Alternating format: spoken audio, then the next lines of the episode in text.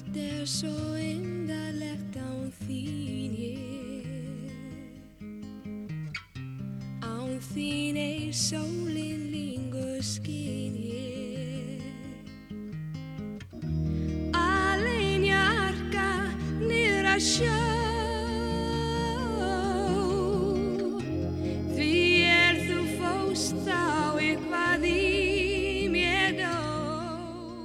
Við lifum lengur en formæður okkar og feður en það breytir ekki þeirri staðrind að við deyjum öll að lokum.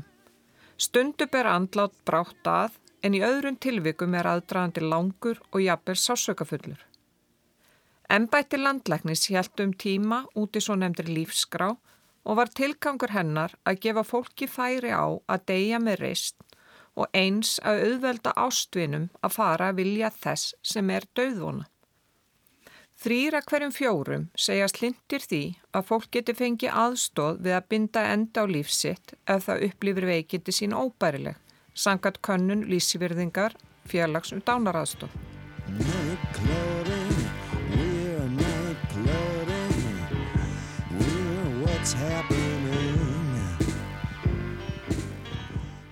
Sæl hlustandi góður.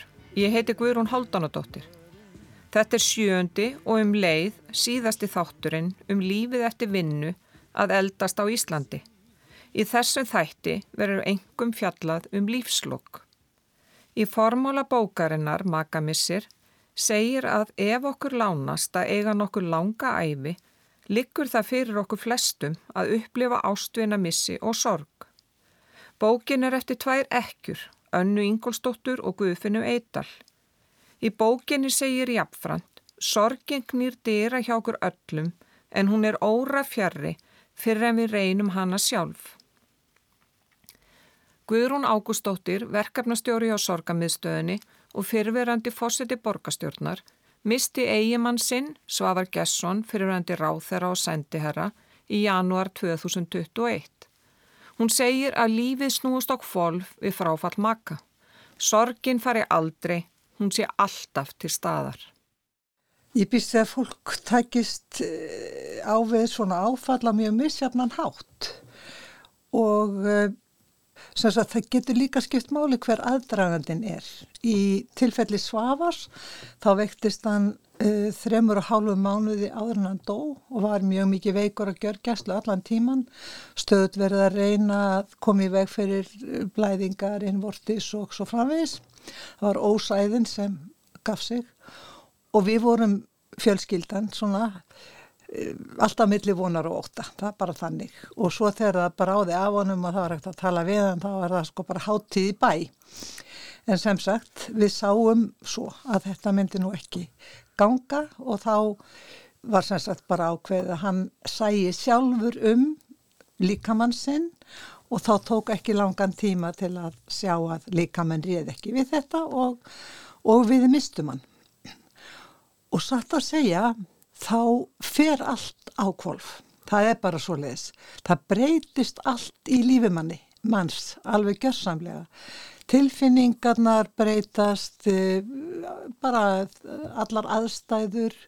Þú ert núna einn eða einn þar sem þú varst tvö áður og svona hjón eins og við gerðum allt saman og ná, hérna, náinn og og höfðum ánægju að, að vera saman og ferðumst og mjög mikið um landið og, og svona og gerðum hluti saman. Og svo bara allt í einu er maður ekki tveir, maður er einn. Og þá verður maður í fyrsta lagi held ég ég held að það hafi verið mikilvægt að átt að segja því að makin er ekki einn í sorginni. Að finna af því að það var nú ekkert erfitt að finna hvernig börnin, hans og börnin mín og barnabörnin, hver, hvað þau söknuðans mikið. Og þá ámaður að nota það að þarna er maður í hópi fólks sem er að sirkja sama mannin hver á sinn hátt en allir eiga það sameigilegt og það er rosalega mikilvægt að því ef einmitt heyrst sko börn tala um hérna mamma eða einhver bara held að hún væri einn um sorgina. Svoleis er það ekki og uh, svo er hún, sorgin er svo ofsaleg fyrst sko, hún er alveg óbærileg í rauninni og uh, svo þegar maður áttar sig á því smátt og smátt að sorgin fer aldrei. Hún verður alltaf. Að þá fer maður að hugsa með sér hvernig lífi ég með sorginni. Getur sorgin verið falleg? Já, hún getur það. Til dæmis ef þú einbeitir þér að því sem gerir þið ham ekki sama þegar þið líður illa. Hvað er það sem veldur mér ánægu? Vekur með mér ánægu? Það er að reyfa mig, það er að umgangast vinnina mína, það er að lesa góða bók sem er ekki mjög sorgleg og það er að muna borða, það er mjög algengt að gleyma borða, það er ekkit gaman að elda fyrir einn. Og það er svona sumir segja vera út í náttúrunni, það áviði mig, ég byrjaði að ganga og ég byrjaði að ganga í veikindunum vegna þess að þá hugsaði mér ég get lappanir á landsbytali, það er ekki alltaf að vera að taka bílinn. Og svo var hann fluttur á landsbytala en á borgarspítala þá sé ég get alveg lappa en á borgarspítala það var að vísu þetta aldrei mikið lengra. En þar með var ég byrjuð að ganga og það ger ég núna. Og það er mín lífsbjörg. Og þetta mun að borða er ekkit endilega og ofarlega í mínum huga. En þá á ég bæði börn og, og vini sem eru alveg rosalega duglir að nippi í mig og þeir hafa eldað eitthvað. Og uh, það sem að þarf að læra það er að segja alltaf já takk, já takk aldrei nei, ég er svona eitthvað illa stemt í dag eitthvað svona. Það borgar sig ekki. Og e, einmannaleiki er mjög gætnan fylgifiskur missis sérstaklega magamissis og það komir svolítið óvart, ég held að, að ná, og sorgin er talin hvað mest við magamissi. Ég held að væri barsmissir. Ég held það, satt að segja, en svo virðist ekki vera og þetta eru rannsóknir sem sína fram á þetta og þá er bara, verður maður einhvern veginn að takast á við hlutina. Og ég ákvað mjög snem að ég ætlaði að lifa þetta af, alveg endilega. Og þegar mér leið sem vest þá bara fór ég í hérna minningarkistuna sem er einhver staðar inn í manni og rifjaði upp fallegustu stundirnar í líf okkar. Og það er sko ótrúlega gott og mikilvægt. Og að geta iljað sér við minningar og ég hef sko hitt mikið af fólki sem hefur gengið í gegnum svipaða hlut og ég og við erum sammála um þetta. Það að bara setjast niður og rifja upp eitthvað alveg sérstakt. Að því maður á mjög marga slík, já flestir eiga marga slíka stundir. Og uh, þegar ég hef búin að uh, vera pælat aldrei mikið í þessu, vegna þess meðal annars að ég tók að mér að búa til erindi á, á aðalfundi landsambands eldri borgara um einmannaleika og ég fór, fór mjög djúft í málið og fannst það alveg óskaplega áhugavert.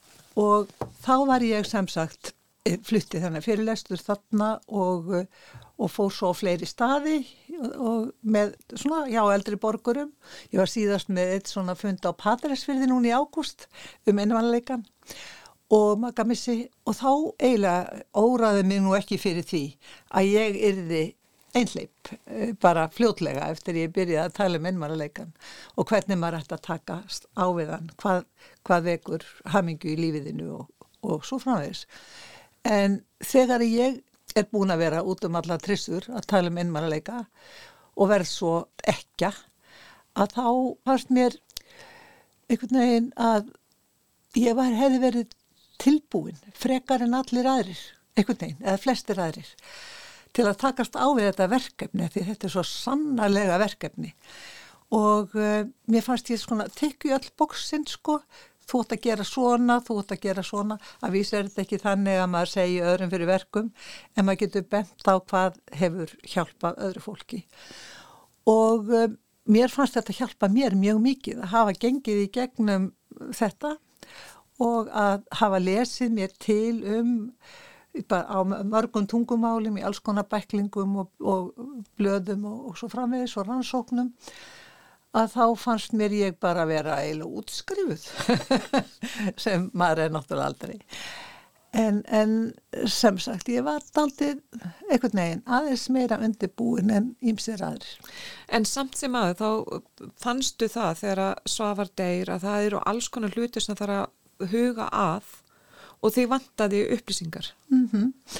Við svafar eigum þrjú börn, hvort. Það eru sex börn á svæðinu og þetta er nú sko engar smá kanónur hérna, þau eru öll ákala já, hafa ert stjórnsemi frá ymsum aðilum, kunna mjög vel að stjórna og tóku að sér ótrúlegustu hluti og bara, já, já, þetta var, var sameilegt verkefni.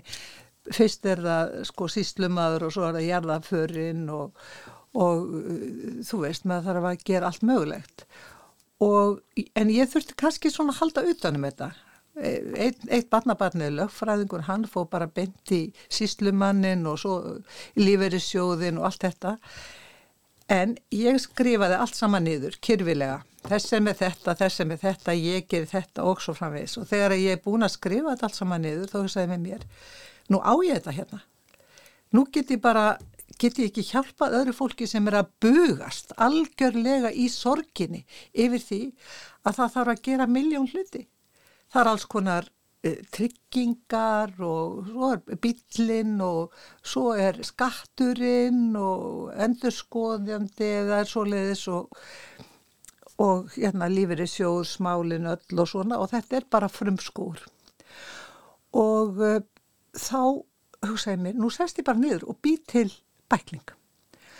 Og þá er það bara kannski eitthvað sem maður getur haft á netunni hjá landsambandi eldri borgar eða eitthvað svo leis en þá var áhuga á því þegar að, að hann lág fyrir þessi bæklingur að hann færi yfir prentaður. Og þá var það gert með fengum stuðning frá heilbriðis og félagsmálar áþörum og ráðuneytum og bæklingurinn var til og ég fekk Elsu Þorkelsdóttur, Elsu S. Þorkelsdóttur vinkonu mína sem er lagfræðingur til að fara yfir lagalegu hliðin og hún kom með mjög mikilvægar viðbætur og, svona faglegar. Og svo önnu vinkona Silja Aðstæðsdóttir las þetta nú yfir íslensku las. Og þá var bæklingurinn tilbúin og honum hefur verið dreift mjög víða. Og ég veit að hann hefur hjálpað mörgum og þetta heitir hérna við andlátt maka.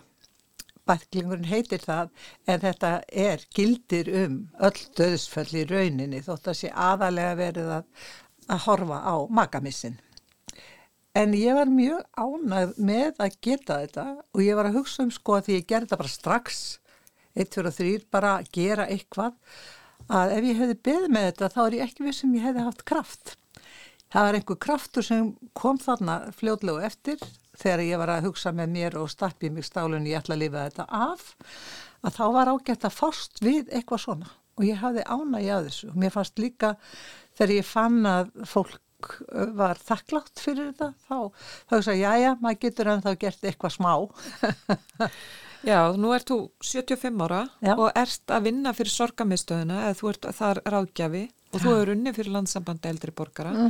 Þú ert á fullu enn. Já, það sé mjög sniðut að gera það. Það heldur hausnum gangandi vonandi. En eh, já, ég var beðin um að það kom mér aldrei óvart þegar það var ringt í mig frá sorgarmiðstöð og þá vantaði maka sem treysti sér, var til til að nýbúin að missa, treysti sér til þess að vera svona hópstjóri með fagaðila inn á sorgamiðstöðinni. Þannig að ég hugsaði með mér, ég prófa þetta og ger hens vel og ég get og, og nú er, að, er ég að uh, byrja með uh, hérna ágætri konu með mér, við erum tvær og ætlum að vera með uh, maganámskeið og síðasta var á vorönn og þetta eru 5-6 skipti. og ég- maður bara fer í eigin banka og hugsa með sér sko hvað hefði mér þótt gott að heyra og geta talað um og, og það, þannig nota maður reynsluna og uh, það sem mér fannst gí- gífilega mikilvægt það var að hitta fólk sem bjóði sömu aðstæður og ég. Fljótlega eftir ég var ekki þá laði mér mjög af einni vinkonu minni sem varð ekki fyrir hvað, átta árum á undan mér og, um, og það uh, svona að geta skipst á reynslu, skipti máli og það er það sem við erum í raunin að gera í sorgarmiðstöðunni. Við erum að, að hvetja fólk til að tala og tjá sig og, og sumir kannski hafa ekki mikið haft tækifæri til þess. Það fer eftir fjölskyldu aðstæðum og öllu mögulegu og það, það bara er alveg rosalega gott og maður er ekki þarna til að segja já já en þú átt að gera svona og svo þarftu að gera þetta og þú mátt alls ekki svona. Það er ekki hlutverk okkar. Hlutverk okkar er að hlusta aðalega að hlusta og segja kannski smávegis frá sinni eigin reynslu. En maður verður að passa sig á að tala ekki of mikið af því að maður má ekki taka orðið af fólkinu sem þarf, sem er komið til að tala. Og þetta, ég held að við séum aldrei meðvitaður um þetta, ég og, og Gunnjóna vinkona mín sem eru með námskeiði saman. En það að gera eitthvað svona gefur manni mjög mikið. Þannig að maður fór sér hvernig nennur þessu og að hverju bara, þetta er bara bara er eitthvað sem gefur mér mjög mikið og ef það gefur öðrum líka mikið þá er það ennþá betra.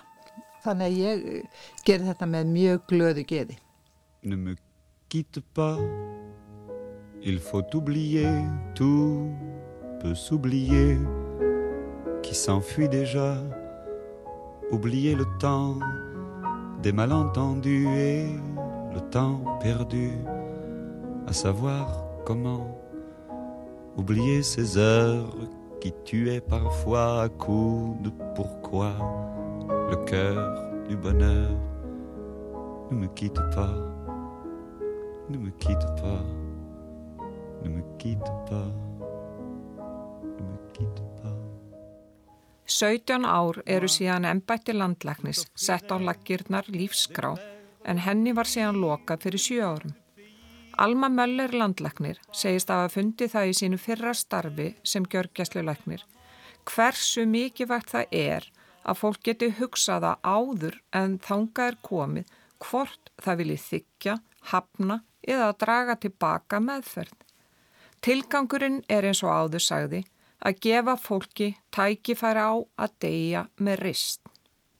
Lífsgrá þar er hugsað að skrá óskir fólk sem um meðferð undir lóklífs ef það til dæmis er orðið svo veikt að geta ekki sjálft ekki þátt í ákvörðunum vegna bara andlegs eða líkamlega veikinda en líka að hugsa þetta og skrá áður en að fólk kannski missi færni til að taka ákvörðunum um eigilíf og eins og þú segir þá er tilgangunum sá fólk fá að deyja með reist og að aðstandendu séð eins sáttir eins og hægt er. En ég hef sérstakann áhuga á þessu málefni því að í, í mínu fyrra starfi þá var ég yfirlæknir á gjörgjastlu deilt og það er fólk auðvitað mjög flókinni meðferð og horfur jafnan slæmar.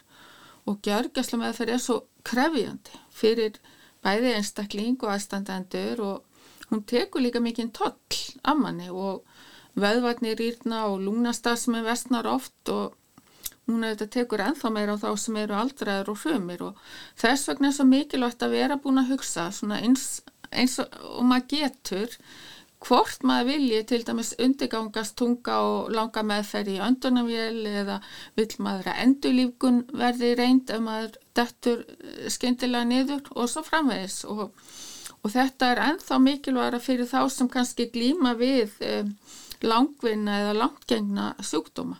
Þannig að þetta snýssoltið um hvort maður vilji þykja, hafna eða draga tilbaka meðferð. Og það var til svona skrá hjá ennbætti landlagnis en hún var á pappir sem að auðvitað gerir takmarka gagg því að hún þarf að vera aðgengileg sem flestum heilbriðstafsmönnum og, og auðvitað allan sólarhingin og öllum heilbríði stopninu sem að sinna mjög veiku fólki. Þannig að hún þarf að vera rafræn og hún þarf að vera miðlæg. Þannig að við erum núna þegar að undibúa rafræna lausn en alltaf þegar við förum að sapna svona upplýsingum miðlægt þá þarf að passa að það sé lagastóð fyrir því og þetta eru jú viðkvamar upplýsingar. Þannig að sem stendur er heilbriðisráðuniti að skoða hvernig það verði, verði tryggt Þannig að þarna er eins og við hugsaum þetta núna og þetta er þessari vinn ekki lokið en hún er hafinn, þá er me meiningin að skrá annars vegar óskir um meðferð við loklífs og hins vegar að tilnefna umbósmann sem að gætir þá hagsmuna sjúklingsins ef hann er ófærum það sjálfur. Og þetta finnst mér gríðarlega mikilvægt því að eins og ég segi, gjörgjastlega meðferð sem að kannski er í óþökk einstaklingsins, hún er slæm bæði fyrir hann og fyrir bara fyrir aðstandendur og fyrir kerfið allt. Og getur í rauninni verið mjög erfitt fyrir kannski aðstandendur að það þurfa að taka slíka ákverðanir án þess að vita hvað viðkomandi einstaklingur hefur viljað. Það er algjörlega hárétt og það gerir aðstandendum miklu auðveldar ef að, ef að búa að skrá þetta. Ég tel nú ekki með fólki búið að ræða þetta saman. Það er bara allt annað. Og þetta er þá eitthvað svipa líka eins og með uh, lífaragjöf og allt svoleiðis? Já, eins og reglurna voru. En núna er búið að snúa því ferli við þannig að það er svo kallar ætla samþyggi þannig að þú bara reiknar með að ég vilji gefa mig lífari nema annars ég skráð. Þannig að það er svona, því var breytt fyrir nokkrum árum en fram að því var þetta mjög erfitt. An old cowboy went riding out one dark and windy day Up on a ridge he rested as he went along his way. When all at once a mighty herd of red-eyed cows he saw Plowing through the ragged skies.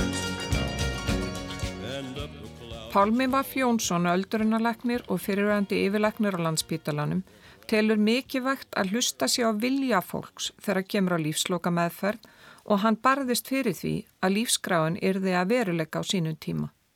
Mér finnst fólk sína mikið aðruleysi og, og ég dáist undum að því sko. Fólk, eh, eldra fólk það lendir í alls konar áföllum, það er að missa maka, það er að missa börn, jafnvel, sem mann finnst það ósangjant sko.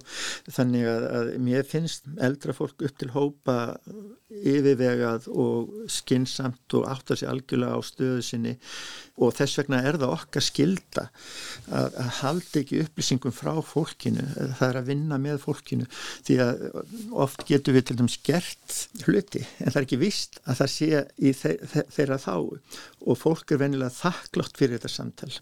Það er svolítið svipað og, og ég held að ymsir væri þakkláttu fyrir því að hafa aðgengja lífskráni og geta skráð sínur óskir en, en svo gerist þetta líka í samtali í tengslum við alvarlega sjúkdóma og það er ákveðin fjárfesting í helprístjónustinu og þjónustinu sem við erum með að taka þetta samtal vegna þess að það setur alveg stefnuna. Það eru samfélag til í bandarækjunum einn stort land og það er eins og það er flókið að þá er þarna svæði til þar sem að, að til dæmis lífsgrán er, er, algeng, er, er er á þessu svæði og, og, og þetta samtali er praktiserað í, í helsukæslu og á sjúkrahósi og það sýnir sig að fólki er ánægt.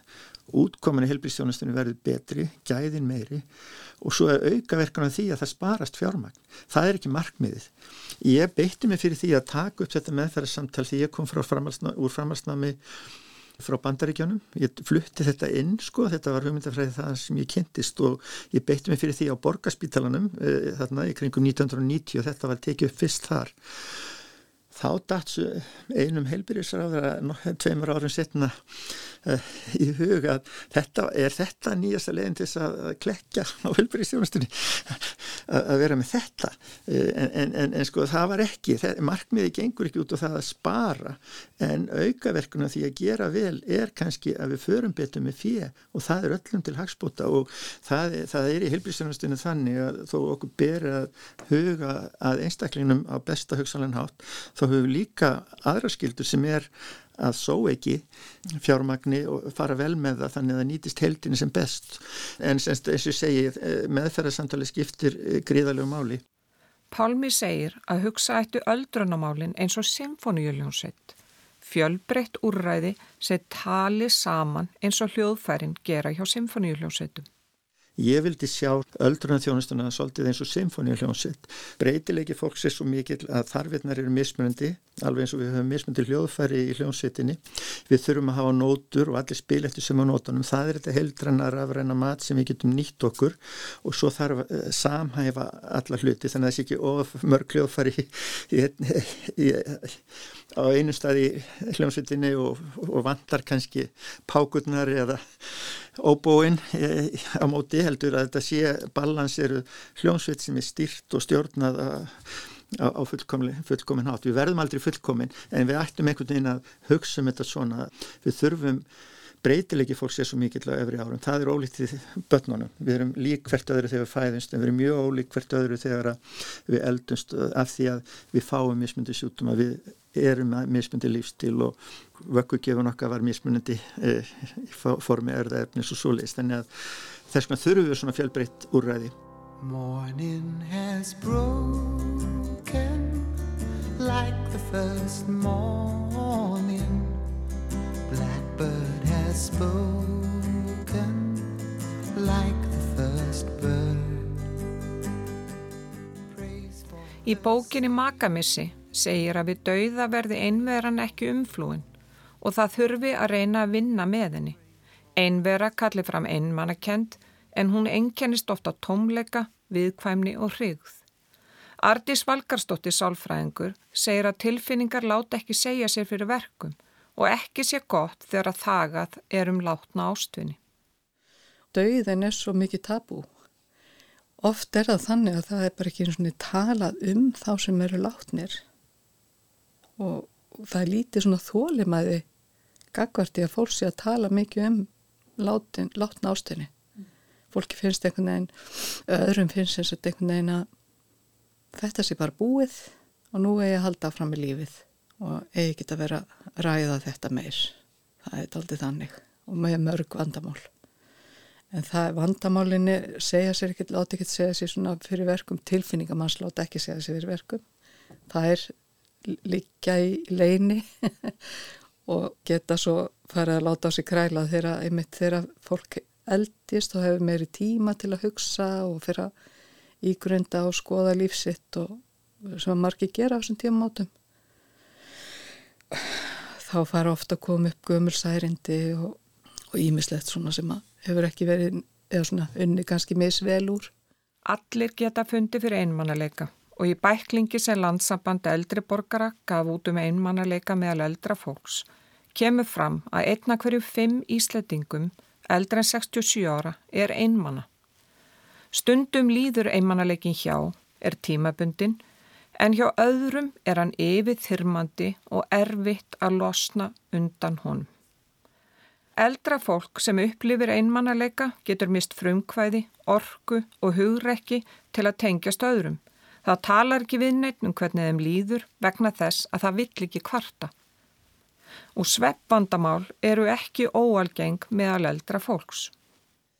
Alls konar svepptrublanir verða algengari. Talaðum að eftir 65 ára segjast rúm 30% manna eiga í sveppnum erfileikum sem er aldrei hátt hlutu all.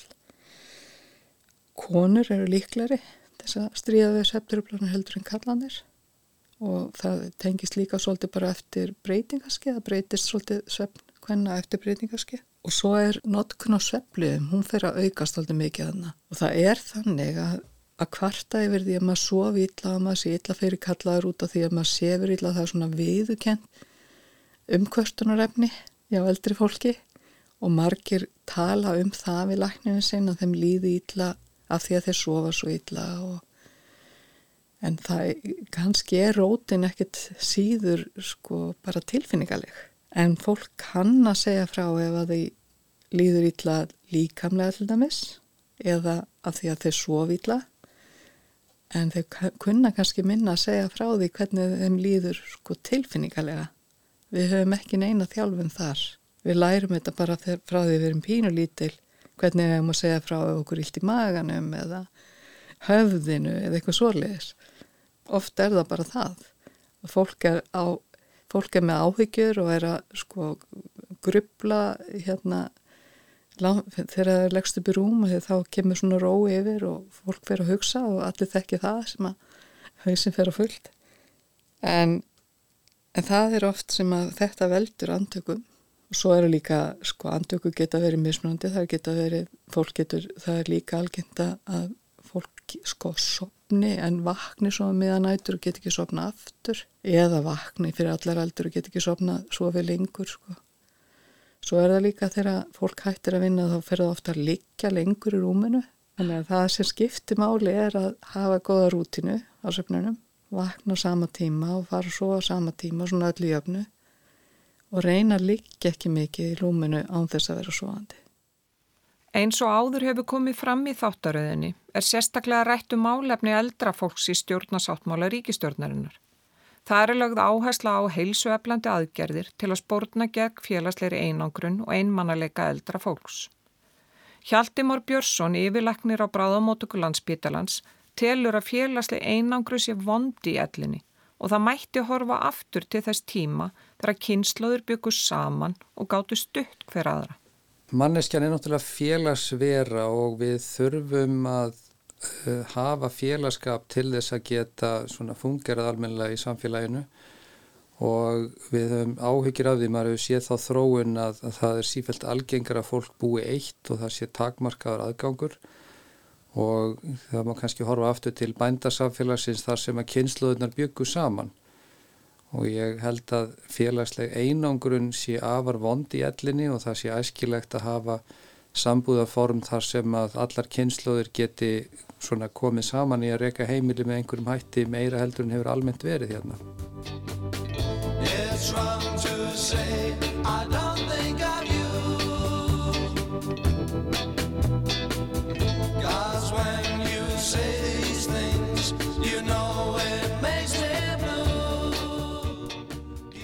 Margrit Guðnadóttir, verkefnastjóri Selmiðu Reykjavík, sagði okkur frá því verkefni í fjörðaþættunum um lífið eftir vinnu.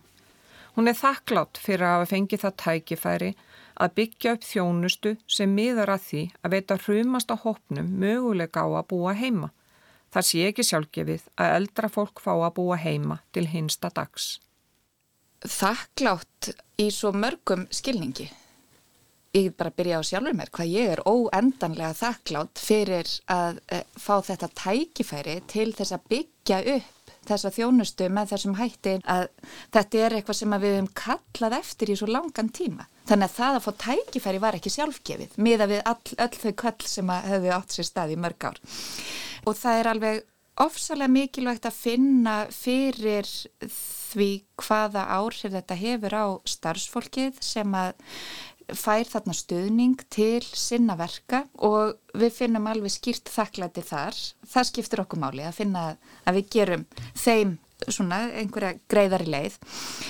Síðan náttúrulega, ég hef nú oft sagt frá því að, að það að starfa innan heimahjúgrunar er eitt að dýrmætasta, þetta er dýrmætasti vettvangur til að starfa á að mínum mati það að fá að nálgast einstaklingin í sínu umhverfi á hans forsendum og svona finna leiðir til að gera dagana bærilegri með öllum, öllum mögulegum leiðum, það er alveg ótrúlega mikið notalegt að finna þegar vel gengur og þakklæti frá skjólstæðingum og aðstandendum er dýrmætt og það verður áþrifanlegt þegar vel gengur.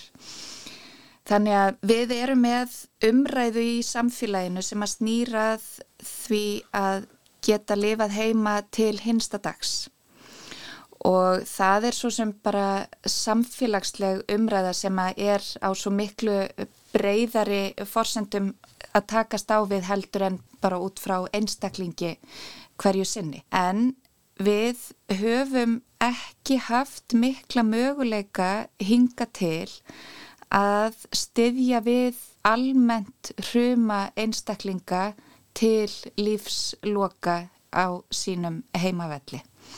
Við höfum með mjög mikilvæga þjónustu innan landsbítalan sem að snýrað eh, líknandi og, og lífsloka meðferð sem að þar sem áherslan hefur verið á krabbamennsjúka einstaklinga sem er alveg óendanlega vel unnið og vel að öllu staði þar. En umfangið er svo gríðarlega meira, þetta er svo miklu umfangs meira þegar umræðir okkar aldraðahóp. en við finnum að það er eitthvað sem að er vaksandi í okkar uh, samtali að eiga möguleika á að styðja við hruma einstaklinga til lífsloka. Og það er eitthvað sem við viljum sjá sem þróun sérstaklega innan heimahjúgrunar í grunninn og ég til að selmu teimið geti komið þar að sem svona drivkraftur í þróun á þeirri nálgun en þar þurfum við þá að, að auka enn frekar við mannablókar í þeim sértæku nálgunum fá góða samvinnu við sérfræðinga í líknar og lífsloka meðferðum til þess að byggja upp bara góða og gaggreinda nálgun í þessa veru. Þannig að það eru næstu verkefni sem að ég sé fyrir mér enn til viðbútar. Skísla Haldós S. Guðmundssonar, dósens við Háskóla Íslands, virðing og reist, samþætt heilbriðis og félagsþjónusta fyrir eldra fólk hefur ítrekka búrið á góma í þáttaröðinni og í raun veri leiðaljóst þáttana að gefa fólki færi á að eldast með reist. Eins og Margret kom inn á áðan þá telur hún að selmu teimið getur komið að stuðningi við hrjuma einstaklinga til lífsloka sem búa heima. En það verð ekki gert án fleiri starfsmanna sem eru sérhæfðir lífsloka meðferðum. Þegar Svandi Svavastóttir var heilbreyðisráð þeirra sett hún fram aðgerðar áallundi fimm ára um líknaþjónustu. Áallunin tekur mið af heilbreyði stefnu til ársins 2030 og einnig voru fyrirmæli alþjóða heilbreyðismála stopnunarinnar höfð til hliðsjónar um að líkna meðferð skuli vera hluti af heilbreyðistjónustu aðvildaríkjana. Í aðgerður áalluninni er meðal annars fjallað um þjónustu þar sem sjúklingu stendur til bóða að fá líknar og lífsloka meðferð heima með aðkomu heimahjókurinnar. Til þess þarf Eins og Margret segir, sérmenta starfsfólk sem Haldur segir mikið vægt að starfi á vegumiðstöða fyrir eldra fólk í hverju heilbreyðsundami. Þá ertu náttúrulega komin inn á þennan kjarnar sem, sem er sko, mjög stórt element í skýslunum minni og tilhóðunum, gengur út á mentun og símentun. Bæta og vinna með þekkingastig starfsfólks í öldrunni þjónustunni og við halda því og, og hvort sem það heitir á í sambandi við líknandi meðferð eða lífsloka meðferðina eða í sambandi við tekni til þess að láta fólki verða kleift eða hjálpa því að vera að gera sig það bært að búa einir og hjálpa sér sjálfur eins lengi og kostur er þó að það væri með einhverja aðstóða tekni eða fólki mm. þannig að fræðslumál og samþétt svona gegnsægi um það hvað er hægt og og einhvern veginn svona tröst fyrir því að, að maður viti það að, að ég er búin að borga skattana mína svo kemur að því að ég þarf að fá líknandi hjókurinn heima og þá byrtist hún. Hún kemur nokkur sinnum á dag. Það koma hjálpatæki þegar ég kall eftir þeim og er ekkit, það er ekkert margi mánuð sem líða með hana frá því að hugmyndinu um hjálpatæki eða þörfinu um hjálpatæki kemur þá getur hjálpatæki komið að þá held ég að flestir fatti afhverjuður voru að borga skatt á Íslandi. Og það er svolítið kannski kjarninni því sem að maður er að tala um að, að þetta er samfélag. Þetta er samfélagslegu sáttmáli um að við borgum skatta svo kemur að því við þurfum í mismögnum mæli að nota og innkalla eitthvað af þeim skottum og uh, það er ekki bröðl það er heldur samfélagsjónusta sem ég er að búa til þannig að ég geti búið sem best og átt farsælt líf. Og í sama hvað sveitafélagi þú byrði? Alveg sama hvað þú byrði. Og þetta verður einhver meðismunur að því en, en það er hægt að fara alveg ótrúlega langt ef það er gert í góðu trösti og samstarfi en það er líka hægt að fara alveg ótrúlega stutt ef það ríkir vantröst og ótti og kvíði. Syngdu honum saknaðar ljó vanga hans blíð vermi þú svo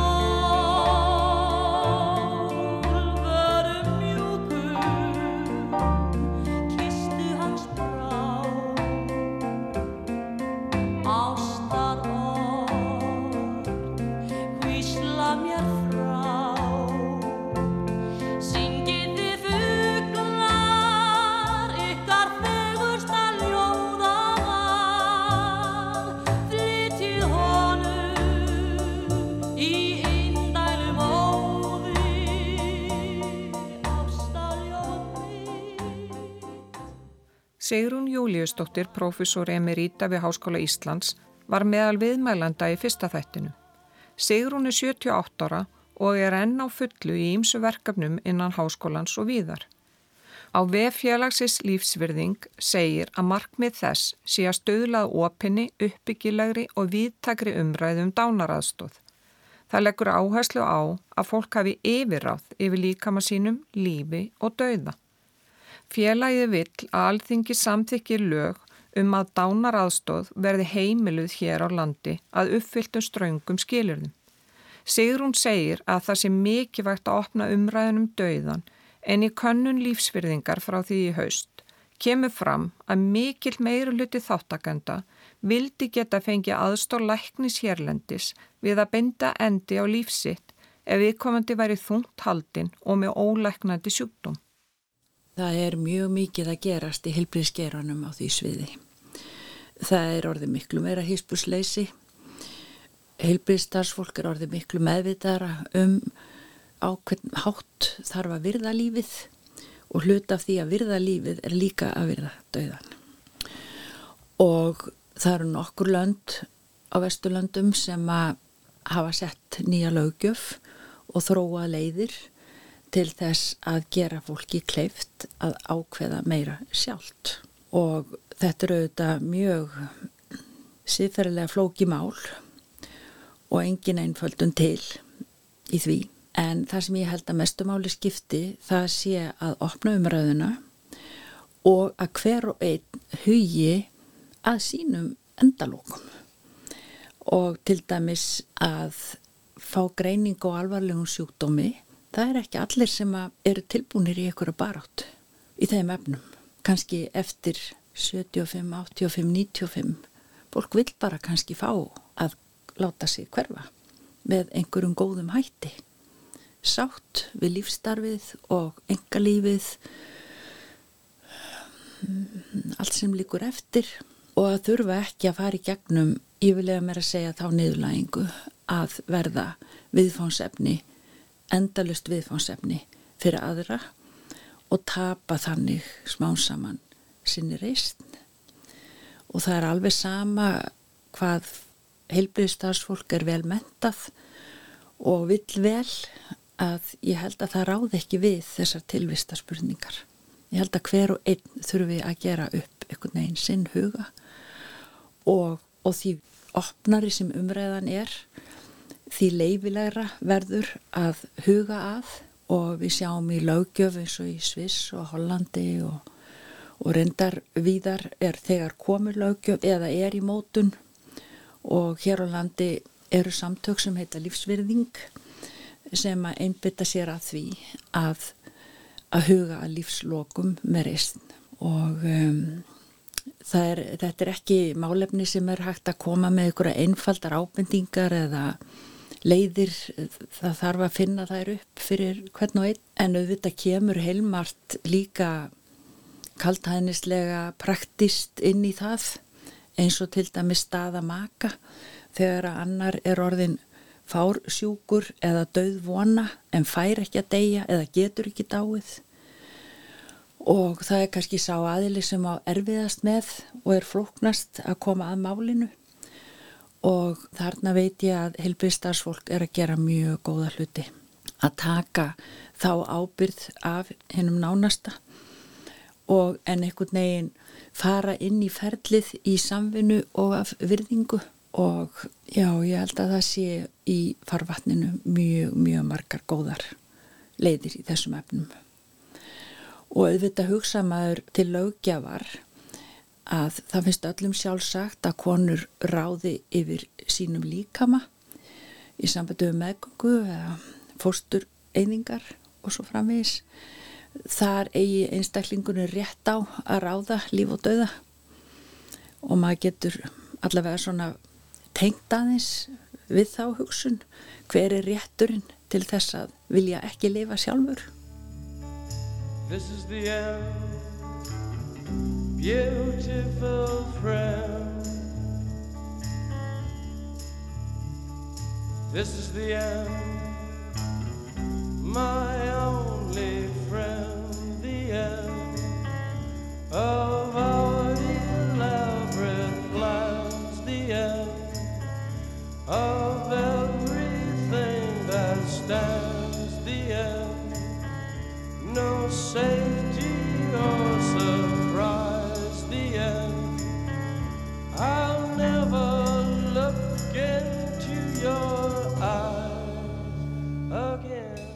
Langvinni sjúkdómar eru taldir vera um 77% af sjúkdómsbyrði Evrópu og er áallad að 86% allra döðsfalla í álfunni megi rekja til slíkra sjúkdóma. Langvinni sjúkdómar eru ekki læknalegir en þeir geta einkennsta stöðugum tímabilum sem geta verið mislaung þar sem viðkomandi getur tekið að fullu þátt eða hluta til í aðtöfnu daglegs lífs og svo tímabilum sem krefjast mismikilla meðferðar og yngripa. Með hækkandi lífaldri samfélaga eikst þörfin fyrir líknarþjónustu og er áallega að þörf fyrir líknarþjónustu hjá fólki 85 ára og eldri tvöfaldist til ársins 2040. Til að heilbriðiskerfi geti mætt þessum áskorunum er mikilvægt að grunn heilbriðistjónustan sé færum að sinna almennri líknameðferð. Líknarþjónusta byggist á einstaklingsmiðari nálgun þar sem lögð er áhersla á að veita stuðning og meðferð við verkjum. Í dag er líknarþjónusta veitt á sjúkrahúsum og á hjúgrunaheimilum og í vaksandi mæli almennri heimahjógrun. Ég spurði Haldur út í þessa þjónustu. Erum við að veita fólki á síðasta hluta æfinar mm. næjanlega þjónustu og virðingu? Það er náttúrulega kannski líka svari pínlítið spurningunni sko hvenar er næjanlegt næjanlegt sko. Við erum með umönnun í okkar kerfi og við erum með sko inn, ég þekki það bara af hjógrunheimilunum og ég veit að af ættingum og öðrum sem hafa farið í gegnum líknadeldina eða þurft að fá þjónustu þar að við erum að gera í mjög mörgum tilfellin mjög vel. Og, og inn á hjúgrunarheimilum er starffólk sem að kann það er uh, hjúgrunar eða þá ferla og aðferðir sem að geta gert það að verkum að þetta er þessi endapunktu lífsins er, er ferli sem er náttúrulegt, þægilegt og allir upplifa sem sársöka minnst á meðan að það er að gerast. Uh, ég held hins vegar að sko að það sé líka hægt að gera meira gagvart því að vera að, sérst, að þú að þú eigi líka möguleika í meira mæli kannski að degja heima. Þó svo að hjúkurunar heimilið ef við horfum á það sé, sé þitt heimili sem, sem að þú að vísu ræður af mínum að þetta er svolítið lítið yfir og þú farð bú, þú býr þar kannski eitt og hálft og upp í kannski þrjú og hálft ár að þá hef ég nú grunum það og ég svaraði bara fyrir mig það er einfaldast. Ég myndi náttúrulega vilja eiga þann dræfum að ég væri sem næst mín fólki og í mínu umhverfi þar sem ég þekkti en að ég hefði tryggingu um það að svo heilbriðs og félagsstjónustu sem ég þyrti og aðstandendu mínum þyrtu væri til staðar eða aðgengileg. Og ég hef sjálfur upplifað það að þetta er hægt og ég veit að þetta er gert á Íslandi. Og við þurfum svolítið að vinna bara með það að þetta sé virkilegu valmöguleiki í staðin fyrir að segja að dauðin sé stopnarnvættur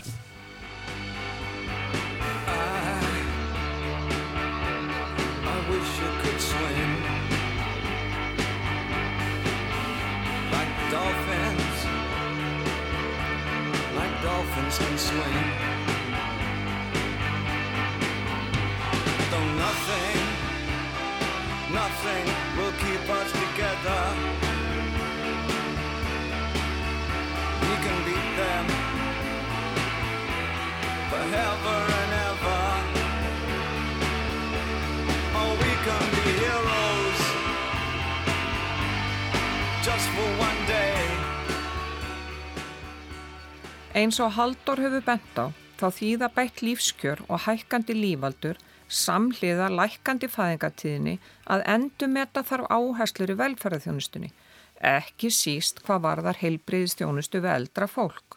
Verkefni er umfásmikið og viðkvæmt en þólir enga byggð. Nú er áratugur heilbriðarar öldrunnar hjá saminuðu þjóðanum.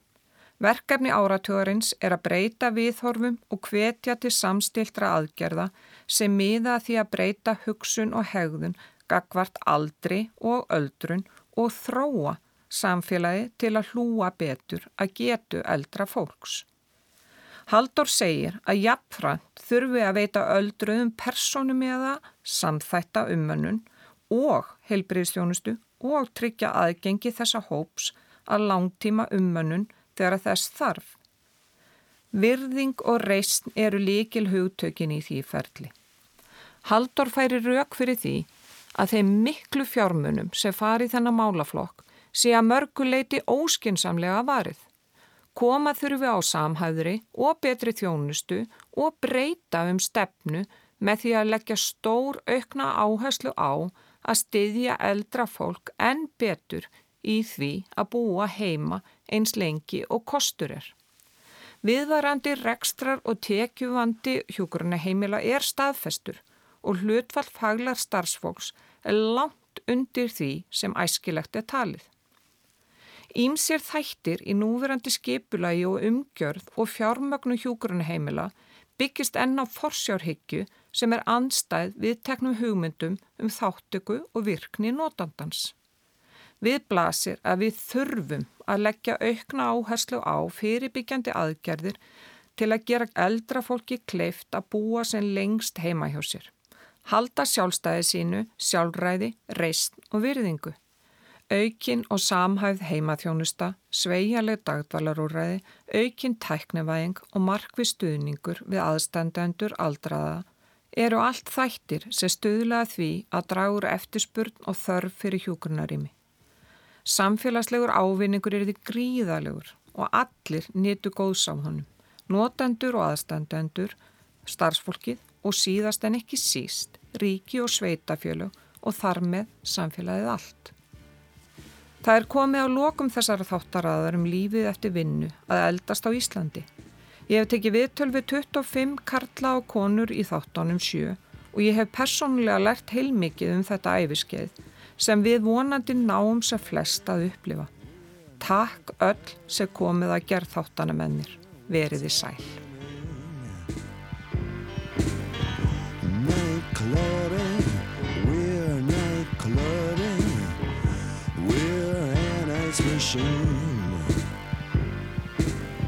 We'll see people, brand new people There's something to see